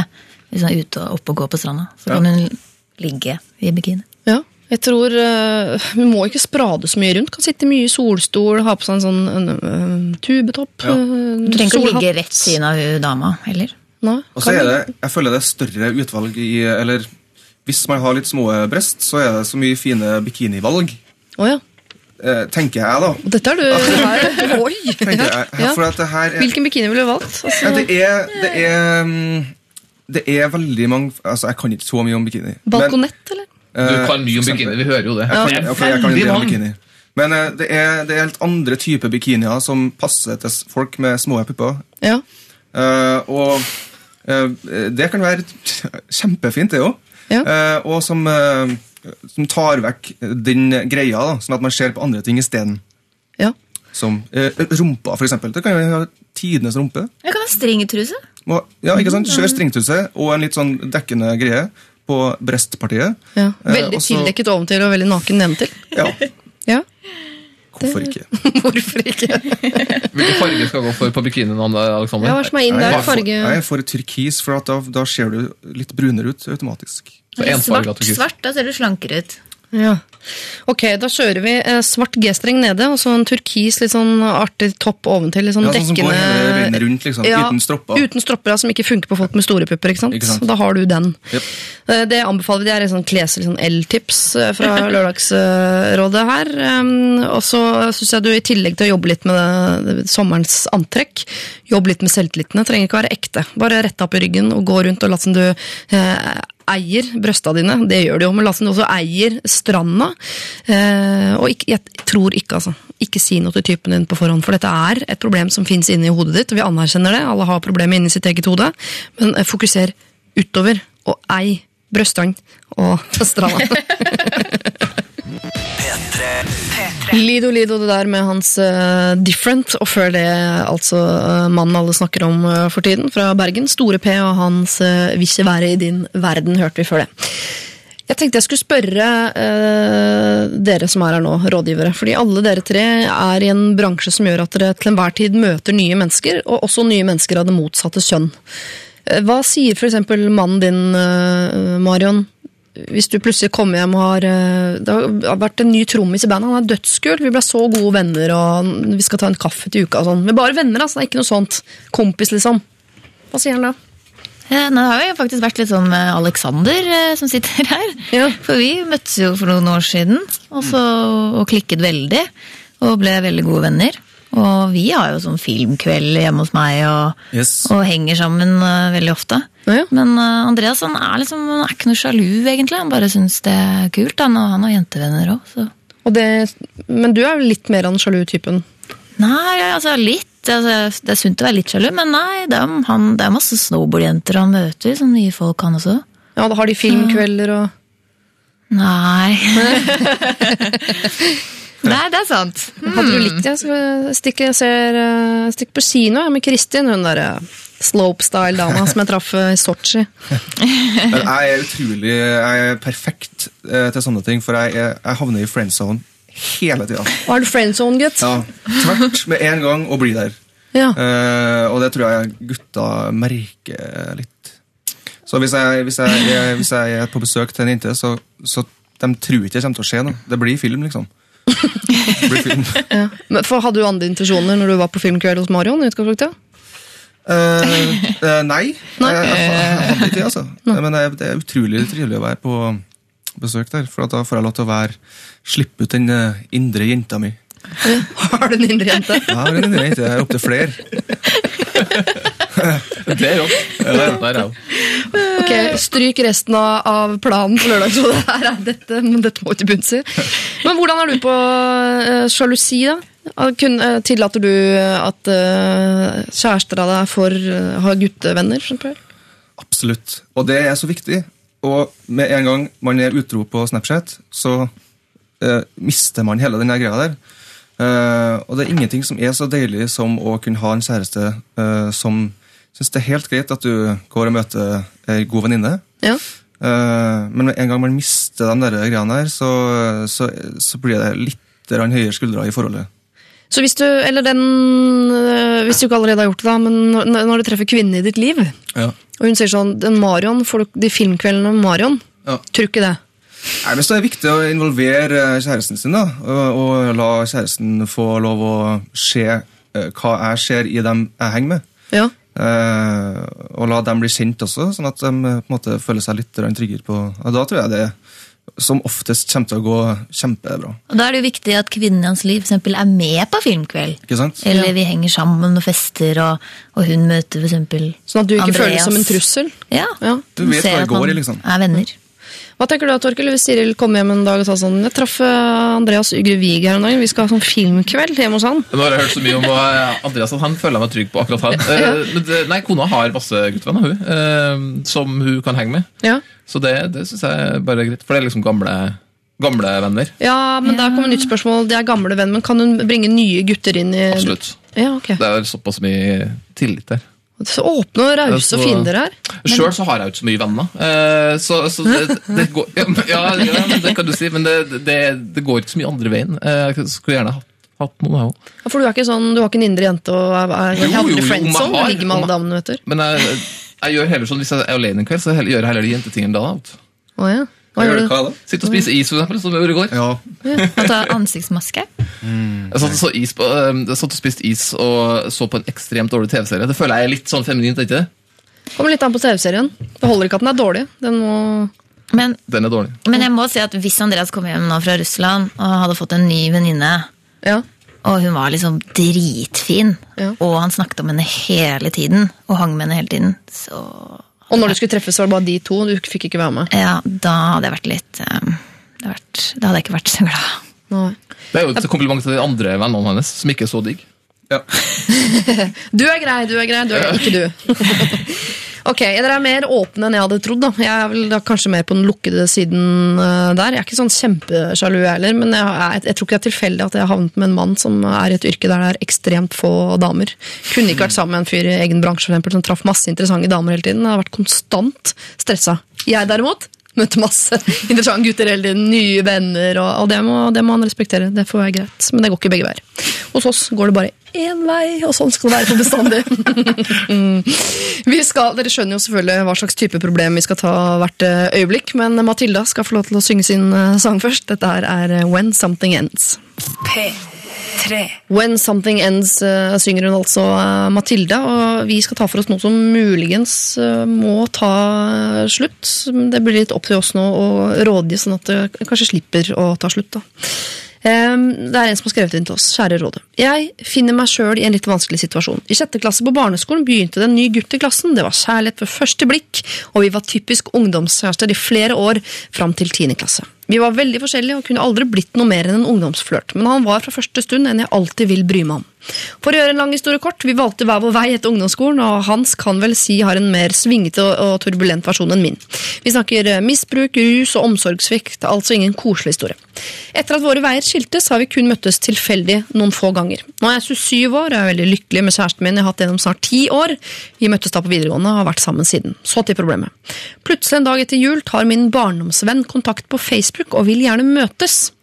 Dette vil selvfølgelig jeg også etter nesten syv år siden vi så hverandre sist, og gleden var stor da vi fortsatt var som gamle venner. Samboeren min derimot liker dette svært dårlig. Han sier at han ikke vil ha noe med denne fyren å gjøre, og egentlig ikke at jeg heller skal ha det. Han stoler ikke på han. De kjenner ikke hverandre, men samboeren min har lite til overs for min venns fortid. Problemet mitt nå er at jeg veldig gjerne vil prøve å ha kontakt med min barndomsvenn, blant annet fordi jeg tror jeg kan hjelpe han, eh, eller i hvert fall vise at noen bryr seg om han uansett. Samtidig vil jeg jo ikke gjøre samboeren min bekymret eller trosse han. Jeg har prøvd å forklare hva jeg tenker og hvorfor jeg ønsker kontakt, men han blir bare innesluttet og sint. Til slutt sier han at jeg får gjøre som jeg vil, selv om han tydelig viser at han ikke mener det. Så kjære rådet, hva skal jeg gjøre? Er det så urimelig av meg å ønske å ha kontakt med denne gutten, selv om kjæresten min misliker han så sterkt? Er redd jeg er for naiv og klarer ikke å se hans side av saken godt nok? Alle råd mottas med stor takk. Vennlig hilsen usikker venninne og kjæreste. Bra dame. Bra dame, ja. Ja. Men det er det er ikke nødvendigvis sånn at kjæresten hennes er noe dårlig fyr, han heller. Han høres veldig sjalu ut. da. Ja. At han måtte bestemt seg med en gang for at han ikke liker han fyren. Har han møtt han i det hele tatt? Det Han liker kanskje- ikke den fortiden med misbruk ja, og rus. Rus og Det skjønner jeg. Jeg skjønner jo kanskje altså det, det, kan, det er lov å være sjalu, det er ikke noe galt. Men uh, akkurat her syns jeg det er litt viktig at hun får lov til å møte den uh, ekskompisen. Ja. For eh, hvis han har vært gjennom mange tøffe år, og hun tror at eh, hun kan hjelpe ham, og de hadde en Altså, De har allerede møttes en gang, eh, og han var ikke sånn der Kan få bomme 300 for en sig. Han var liksom, hvis han ikke var der, men at han faktisk ville opprette kontakt igjen, så virker det jo som at, at, at de kan ha et godt forhold, samtidig som at det er sunt for han. Så jeg tenker jo at det er veldig viktig at hun får lov å, å være litt sammen med han og pleie det vennskapet. Og så, så tror jeg det forholdet som har vart i ti år, tror jeg tåler det. Ja. Eh, så, så jeg tenker liksom at han kjæresten må svelge en pille her. Eh, Skal han nå begynne med rus? ja, svelg en kamel, da. Eh, svelg en kamel i stedet, ikke svelg piller. Eh, og, og, så jeg tror det går bra. Eh, Eller jeg vet jo ikke, men jeg håper det. Det Men skal hun trosse han? Skal hun bare, Hvis han fortsetter å si sånn, du gjør som du vil, men tydeligvis er liksom sint, så skal hun bare kjøre på, fortsette å møte denne fyren, og så håpe at han godtar det på sikt? Kjæresten? Jeg syns jo det er foreløpig, altså. Ja. Faktisk. Kanskje prøve å etter hvert få han til å bli med og ta en kaffe med han fyren. Som, som vi snakket om i stad. og Liksom ufarliggjøre han. Og vise at det er en kompis. Og se kanskje, for Hvis de har vært sammen i ti år, og hun liker han barnekompisen så godt, og de har så god kjemi, så er det jo ganske stor sannsynlighet for at kjæresten har god kjemi med han òg. Ja, for Antakeligvis har de kanskje noe en fellestrekk. Ja. Ja. Han har jo sikkert litt historier om uh, dama også, som kan være litt kul å høre. Hvis, at det, hvis, at, hvis det faktisk har vært sånn at det bare var platonisk fra starten av, så, så, vil jeg, altså, så, så kan sikkert han være et sånn morsom uh, speil til uh, dama sin fortid, kanskje. Ja, sammen i fire år, da, men på sånn fra sjette til tiende klasse. Det er jo, Ting kan ha skjedd. I hvert fall sånn opp mot tiende klasse der. Kanskje hun, har- kanskje hun uh, Kanskje det var mister jomfrudommen, liksom. Da, da skjønner jeg at det kan være litt uh... Ja, så er det jo litt sånn Han uh, eks... Eller han kompisen, da. Ja. Han vil jo Han tror jeg må kanskje se at han er heldig som eh, har hun som har lyst til å ha kontakt med henne igjen. da. Uh, og kanskje ikke må ta det for gitt at uh, kjæresten syns det er helt ok. Uh, så kanskje det er en idé å eh, sende en melding til typen hennes, eller eh, neste gang de tilfeldigvis møtes, bare liksom Hei, jeg, vet at eh, vi har eh, hengt masse i det siste, men jeg syns det er så fett, for jeg trenger å Hun er så god å snakke med, liksom, og har masse greier. Eh, og liksom eh, At han ufarliggjør det, da. For Ja. Det er jo hans oppgave. Ja, er det det? For det var mitt neste spørsmål. Hvem sin oppgave er det? For det er jo eh, innsender her som er på en måte broa mellom de to. Ja, Og hun har jo tydeligvis prøvd å ufarliggjort det, Ja. men ikke lyktes. Eh, men hvis han, kompisen, bare liksom er litt kul på det og Her er det ingenting. Jeg bare, vi kjenner hverandre fra gammelt av, og det her trenger jeg liksom for å fungere, komme meg tilbake igjen. Så tror jeg det kommer til å være en helt eh, ny eh, hverdag for han kjæresten. altså. Men hva om det er noe der, da? For det er ikke helt altså, Hvis jeg setter meg inn i kjæresten sitt eh, perspektiv her, så vil jeg også tenke sånn, det er vel ikke helt utenkelig at han har hatt en turbulent oppvekst. Det forrige han husker som var ordentlig ordentlig fint, det var de fire årene med min kjæreste. Han vil tilbake til det. Så Sjansen for at han blir forelsket i på en måte klippen i sitt liv, eller den trygge havnen han har funnet tilbake til endelig, og sånn, sjansen for at det dukker opp noen følelser der, er vel ganske stor. Det er en grunn til at vi sier at eh, vennskap mellom gutt og jente som oftest ender med at den ene blir forelsket.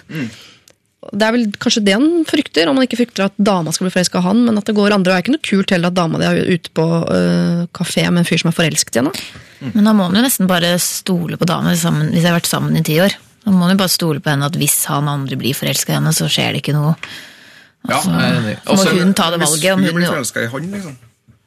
Det er sånn Ja, Man men, eh, bruker masse tid sammen og prøver å hjelpe noen, så, så blir man jo utrolig eh, knytta liksom, og, og ting kan blusse opp igjen. og sånn. Men jeg mener at han kompisen her lever på nåde. da.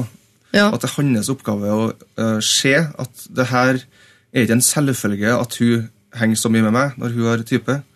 Uh, så jeg, merker, jeg merker at uh, jeg, jeg, kjenner litt på at han kjæresten har lov til å, å mene noe om dette. her. da. Ja.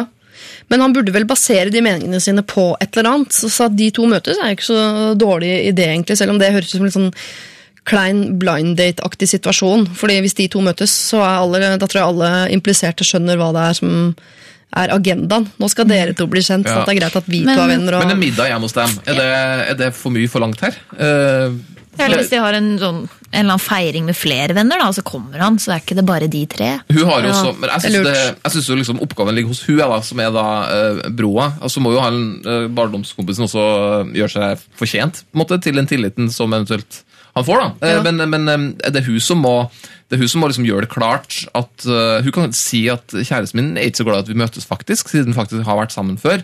Ja. Men jeg syns det er viktig, og jeg gjør det likevel. Altså, hvis, at, hvis at alle spiller med åpne kort, så er det litt enklere tror jeg, Ja. å få bygga de broene. Men kan hun også uh, prøve å spleie sammen med en venninne og sånn, bare for å vise overfor kjæresten sin at øh, jeg er så lite romantisk opptatt av den fyren her at jeg vil spleie sammen med en venninne? Jeg er i hvert fall opptatt av når jeg, Hvis jeg blir sendt med nye gutter, da, øh, så rettferdiggjør jeg det på hjemmebane ved å snakke my, øh, litt sånn nedlatende om denne gutten. Ja, det gjør jeg med Alexander hele Ja, tiden. For for- eksempel, eh, til Andreas. Ja, men Sånn at typen skal skjønne at dette her er jo ikke en du liker sånn. Når du Nei. sier sånne ting om han, så er du jo ikke keen på han. Men det er jo et triks som han sikkert til, eh, lokføreren har gjennomskående hos Siri. I hvert fall fordi han podkaster og hører alt jeg sier til Ja, tid. Mm. ikke sant? Så mye dritt du fortalte om meg, sannsynligvis. Ja, ja. Han altså I eh, min manns hode så er du ingenting, på en måte. Ja. Nei, men jeg lurer på om det er det beste å gjøre. At her er det mm, altså innsender, jenta og denne barndomskompisen de har et slags felles ansvar for å uh, sørge for at uh, den nye kjæresten her føler seg trygg på at de to kan være venner. Han må involveres i det hele. Og de trenger ikke ha en middag, de tre. Det kan bli kleint, men inviter til en litt sånn større vennegreie. en middag, et eller annet. Sånn at de to kan bli kjent. Så ikke denne kjæresten her baserer skepsisen sin på noe han egentlig ikke har muligheten til å uttale seg om. Man skal få lov til å være skeptisk en periode, men de to må møtes for å få en litt sånn gjensidig respekt. Så kanskje dette jeg tror dette vennskapet her kan overleve, faktisk. Her har jeg trua. Vi vil vite hvordan det går. Altså, I etterkant av denne middagen så vil vi ha Vi vil ha bil fotos! Vi vil ha i det hele tatt Send oss i hvert fall en mail og fortell oss hvordan det gikk. Er dere fortsatt venner? Ble de to kompiser, eller endte det med at han ble forelsket? Det er kanskje gått fra kjæresten din og ble sammen med en barndomsvenn. I det hele tatt. Vi vil vite hvordan det går. Send det inn til oss på eh, lr, eh, alfakrøll, nrk.no. P3. Klingende, eller klingand, eller vet, jeg er litt usikker på uttalelsen der. Jubel heter i hvert fall uh, låta. En uh, fransk gjeng som har, uh, driver og lager fengende musikk. da. Og så hørte vi vel en låt til før det. Ja, du da. When I Sleep før det. Herregud, Jeg skulle gjerne vært med på sånn uh, idémyldringsprosess en gang, når folk sitter i saccosekker og skal komme fram til bandnavn. Det er jeg veldig interessert i å få lov til å være med på. Så send meg en SMS hvis det skal forekomme i nærmeste framtid. Jeg møter opp som flue på veggen. Jeg har med to musikere her i dag. Marion Ravn og Alexander Witt. Og så Torkel Risan, som eh, påberoper seg å være over middels opptatt av det. Ja, da, Altså jeg er glad i musikk. ja. Eh, Vi skal ikke snakke om musikk, vi skal snakke om fylleangst. eh, Og jeg håper jo at eh, flere av dere har opplevd det på et eller annet tidspunkt, så det kan relatere. Hei, Lørdagsrådet. Her er et veldig kort spørsmål. Hva er deres beste råd mot fylleangsten? Jeg var på fest i går og klarte blant annet å kysse eksen til en venninne som venninnen har følelser for fortsatt. Eh, og jeg deler litt for mye om meg og mitt med folk jeg kanskje ikke burde gjøre det med. Hjelp! Hilsen stressa jente 17. Er det, lider dere av fylleangst, Aleksander? Alexander? ja. Ja. Eller, altså, jeg, jeg tror jeg lider litt av uh, angst generelt. Oh, ja. Så det, det, det tilspisser seg jo selvfølgelig når man har tatt en øl. ja. uh, men nei, jeg Men hva har du angst for da, når du våkner liksom en søndag morgen? Poenget er jo at det er, trenger ikke å være noe spesifikt. Angsten går jo ofte, i, for min del, i at jeg ikke er sikker på hva jeg har angst for. Å, ja. Men det er en følelse av angst der. Og så begynner jeg å lure på hvorfor det. Hva har jeg gjort? Og det er da du skal ha venner som sender deg sånn MMS-bilder fra kvelden før. Ja. Sånn som det jeg har på telefonen her, blant annet. Fra vi var i bursdag til en homofil kompis, eh, hvor da Alexander endte opp å stå på et bord i bar overkropp og danse med sånn fem andre menn. Sånn litt sånn Å ja. Litt sånn Og, og, det- og Det er veldig gøy å sende på søndag. Åh, Kan vi få legge det ut på Facebook? tror, eh, Og legge det ut på P3 sin Facebook. Nei, men Kanskje det er tipset til hun eh, som ikke vil kle seg på stranda siden hun puppevenner. Ja. Eh, eh, at uh, rett og slett må bare drikke seg opp. altså. Å være full på stranda hver dag? Ja. Ta, ta et par Tequilas. Men er det, hvor mye angst hadde du dagen etter dette nevnte denne festen? Um, Klarer du ikke å le av det, liksom? å, Ja, absolutt. Overraskende lite angst da. Altså. Jeg syns det var egentlig Koselig. Jeg synes det var utrolig stort. ass. Ja. Mer av det, da, kanskje? Ja, mer av det. Altså, det, og, det var jo en merkelig følelse å stå i bar overkropp og danse med Uh, to oh, det var sånn go-go-danser der òg! Ja, ja, det var jo fullt. eh, Det var jo ordentlig uh, Mannlig go-go-danser. Ja. Men uh, det var liksom så trygge omgivelser og det var, det var, Nå følte jeg meg skikkelig slem, egentlig. Så sier det her på radio. Nei, det er kjempestas. Ja. Hvis du legger ut bilde, så er det slemt. danse eh, litt sånn halvnaken med noen homofile. Hvis jeg legger det ut på Instagram, så tror jeg jeg får sykt mange flere følgere. Hva tror du? Ja, jeg trenger flere følgere, så bare kjør på. Men når dere har angst, da, du fikk jo ikke angst av dette tydeligvis, eh, av grunner eh, som er meg uforstående, men når dere har angst, hva gjør dere da? Eh, å sove lengst mulig er et bra tips, syns jeg.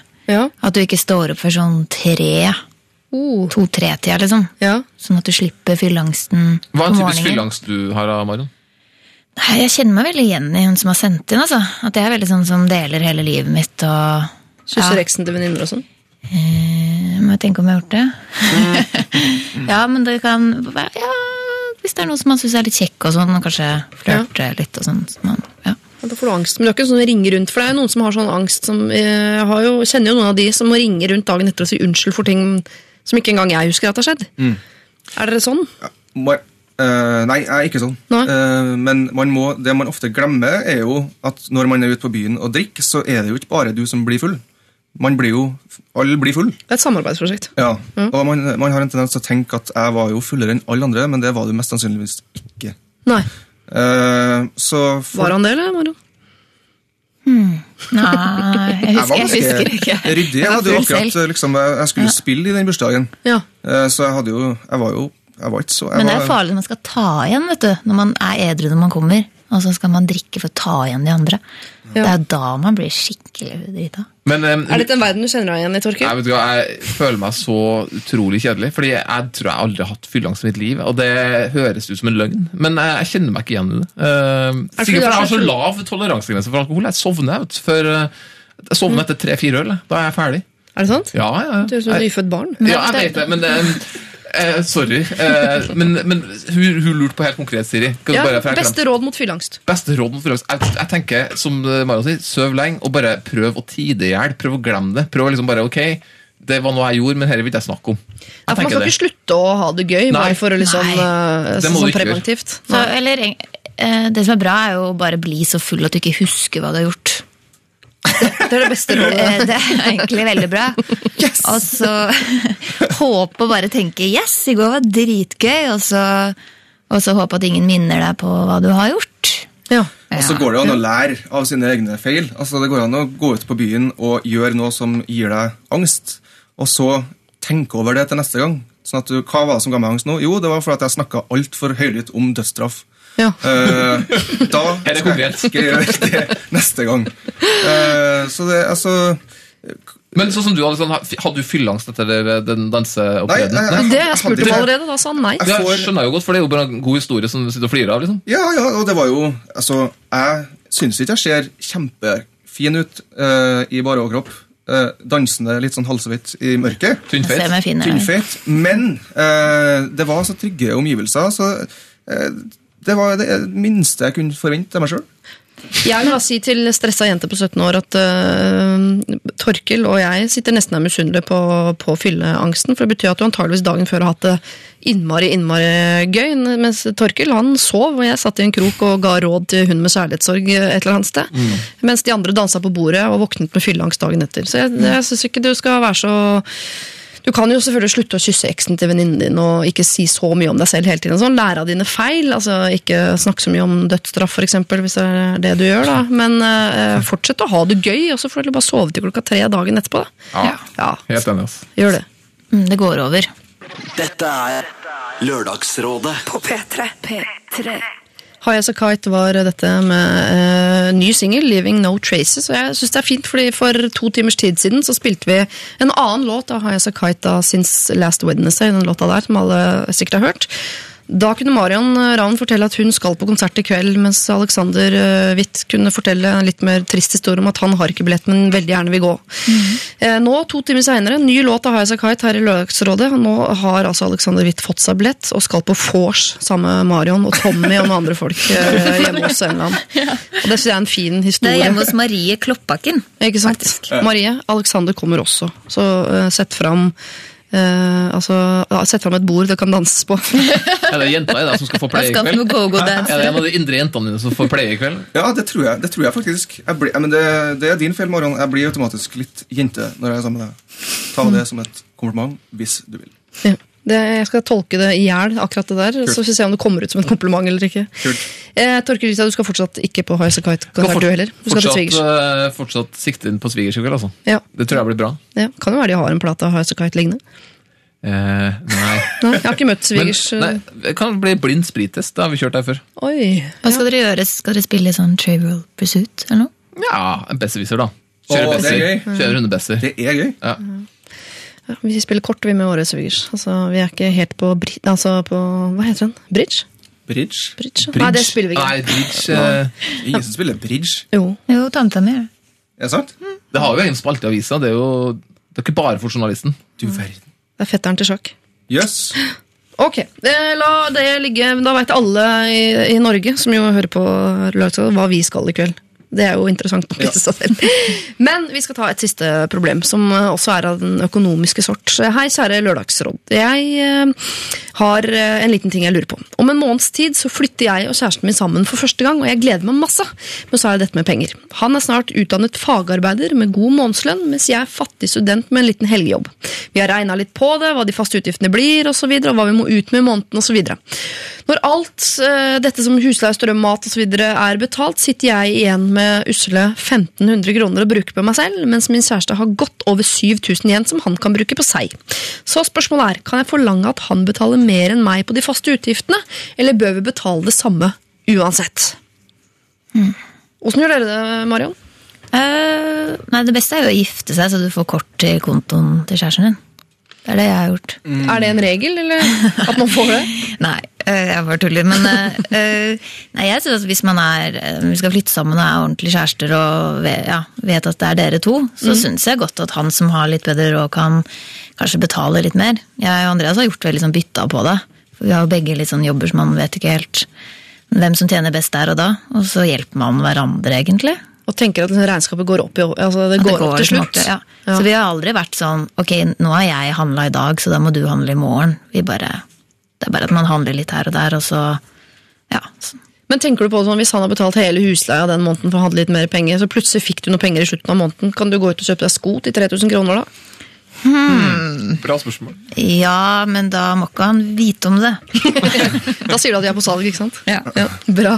Og så er det hos dere, Torkel, for dere er jo enda mer sånn etablert med Ja. unger, og der må man liksom rydde opp i økonomien. Ja, ikke sant? Vi, nei, vi kjørte lenge sånn, sånn at vi hadde hvert, hver vår konto liksom bare holdt det sånn noenlunde likt, men nå har vi ordna liksom en felles konto, så har vi hver vår liksom sånn, eh, konto også. Så vi, vi, alle de faste utgiftene kjører vi bare fra samme konto. Ja. Og så er det noen ganger at det blir litt sånn eh, litt forskjell, men det, det er sånn som bare Altså, hva, Hvorfor skal jeg spare til meg sjøl? Altså, vi gjør jo ting sammen hvis vi gjør noen ting. Ja. Så, så det, det går alt altså Der tror jeg alt bare jevner seg ut. Dere Det jobber jo i NRK begge to, så kunne det er jo nesten ikke mye fått penger å felles snakke om, lønn. med andre ord. Nei. Men jeg tenker kanskje at det er litt vanskelig at hun skal foreslå det. Han burde kanskje Ja, Hun kan ikke forlange det, for hun spør jo kan jeg forlange det. Nei, det kan jeg jo ikke gjøre, men eh, det bør, alltid, det bør kunne foreslås. Ja.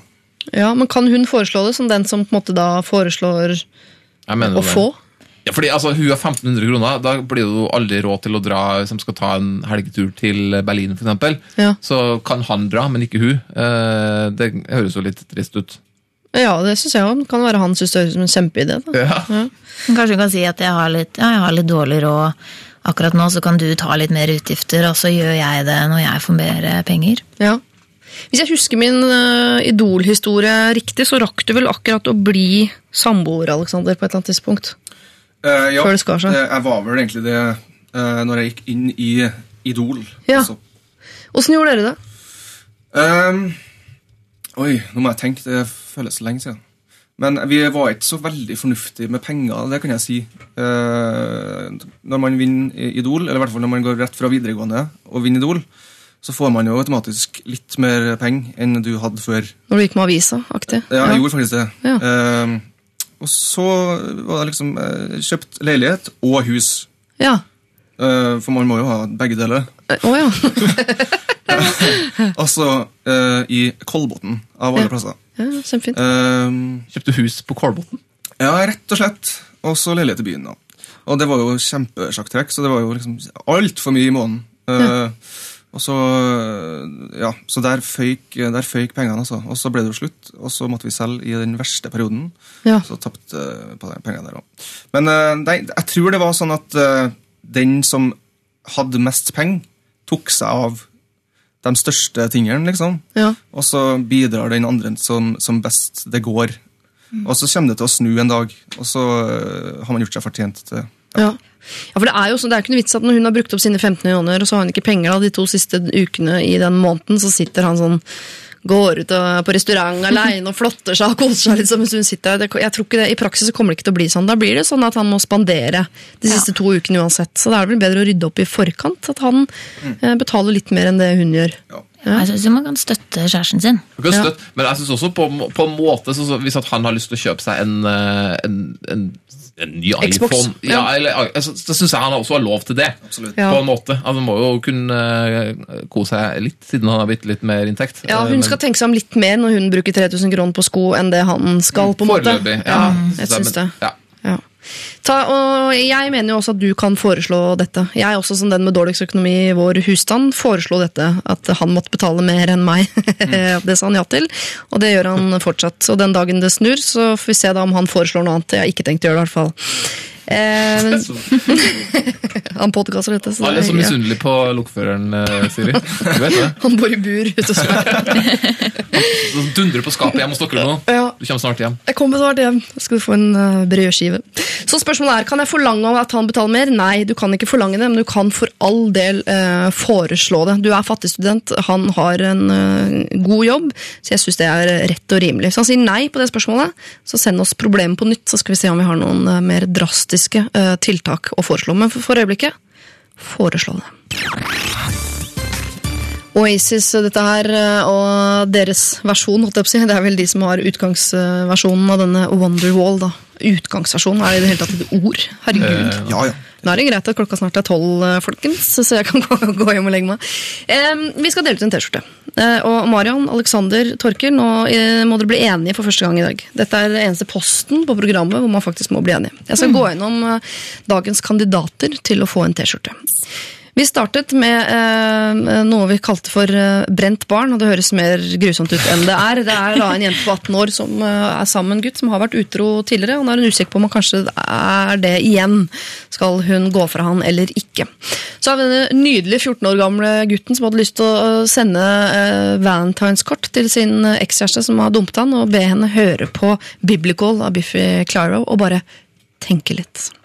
Vi har en eh, jente som var usikker på om hun skulle bruke sine oppsparte 12 000 kroner på å stikke til Thailand og slappe av litt, eller om hun skulle spare ytterligere 12 000 antagelig og ta lappen noe hun trenger i, eh, for å få seg jobb. Så har vi en dame på 30 som er singel og blir anbefalt å prøve nettdating. Hun har prøvd, liker det ikke, eh, men venninnen hennes pusher på og mener at det må hun, og det mente vel egentlig vi også. Vi har en, eh, nok en jente som føler seg som en hvalross. Eh, Hun skal til Syden eh, sammen med kjæresten sin og en venninne og kjæresten hennes, og hun er dritfin. Og hun grua seg til det. da. Skulle hun avlyse turen, ta silikon, eller hvordan skulle hun ordne opp i dette her? Eh, vi har en, eh, også en jente som har en barndomsvenn som har tatt kontakt igjen. De har riktignok noen kjærester, men de var på barneskolen. Han har hatt en trøblete tid, eh, men hennes nye kjæreste nå ønsker ikke at de skal være venner. Fylleangst har vi vært gjennom. Her har vi noen gode råd for å slippe fylleangst. Sov lenge. Og til slutt også pengefordeling i et samboerskap. Skal man betale like mye når man tjener forskjellig som samboere? Hvem fortjener T-skjorte?